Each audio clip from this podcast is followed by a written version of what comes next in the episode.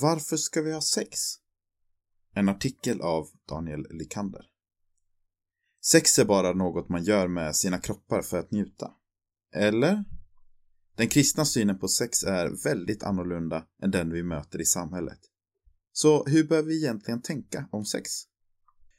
På olika sätt stöter vi på sex i vardagen. Det kanske inte alltid är så tydligt, men i reklam, filmer, musik och i det vardagliga pratet dyker sex ofta upp. Vad det egentligen innebär är för många en personlig fråga. Men som kristen är det viktigt att lyssna till vad Gud säger om sex. Sex är till för att älska så som Gud älskar. Jag tänker vi ska stanna upp inför tre aspekter av Guds kärlek som sex är tänkta att återspegla. 1. Gud älskar passionerat. Sex är kanske det tydligaste sättet att uttrycka hänförd och passionerad kärlek på. Den passionerade kärleken beskrivs på ett målande och fängslande sätt i Höga Visans kärleksdikter.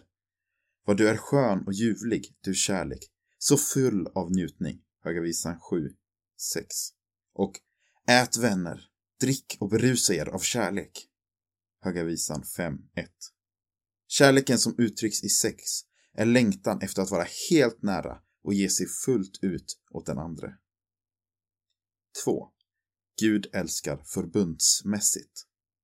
Gud ger ett löfte och sedan håller han troget och kärleksfullt det han lovar. Det är ett perspektiv som uttrycks i profeten Hosea. Jag ska trolova dig med mig för evigt. Jag ska trolova dig med mig i rätt och rättfärdighet, i kärlek och barmhärtighet.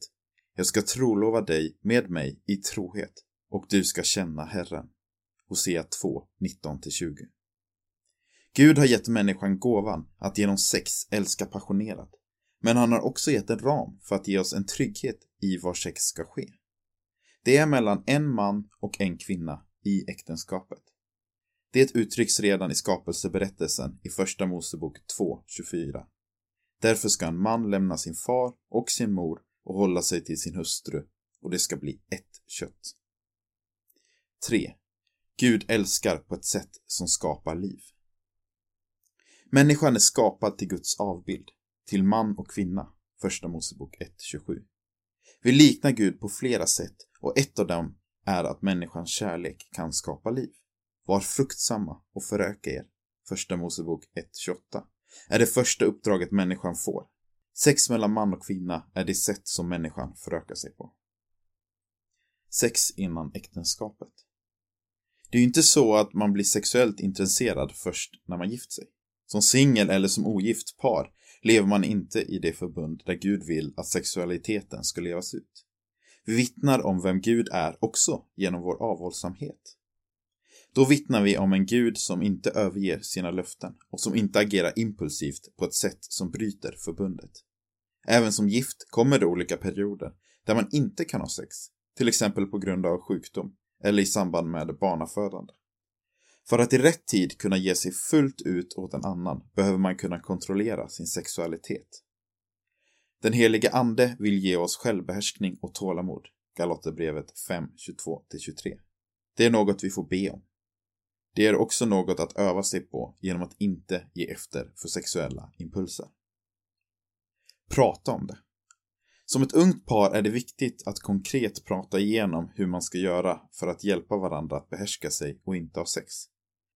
Det fysiska fokuset kan bli för stort för tidigt i en relation och kan då hindra utvecklingen av andra områden i relationen. Försök lära känna varandra på djupet genom samtal och bön. Tvåsamheten kan bli utestängande, både som par och senare som gift.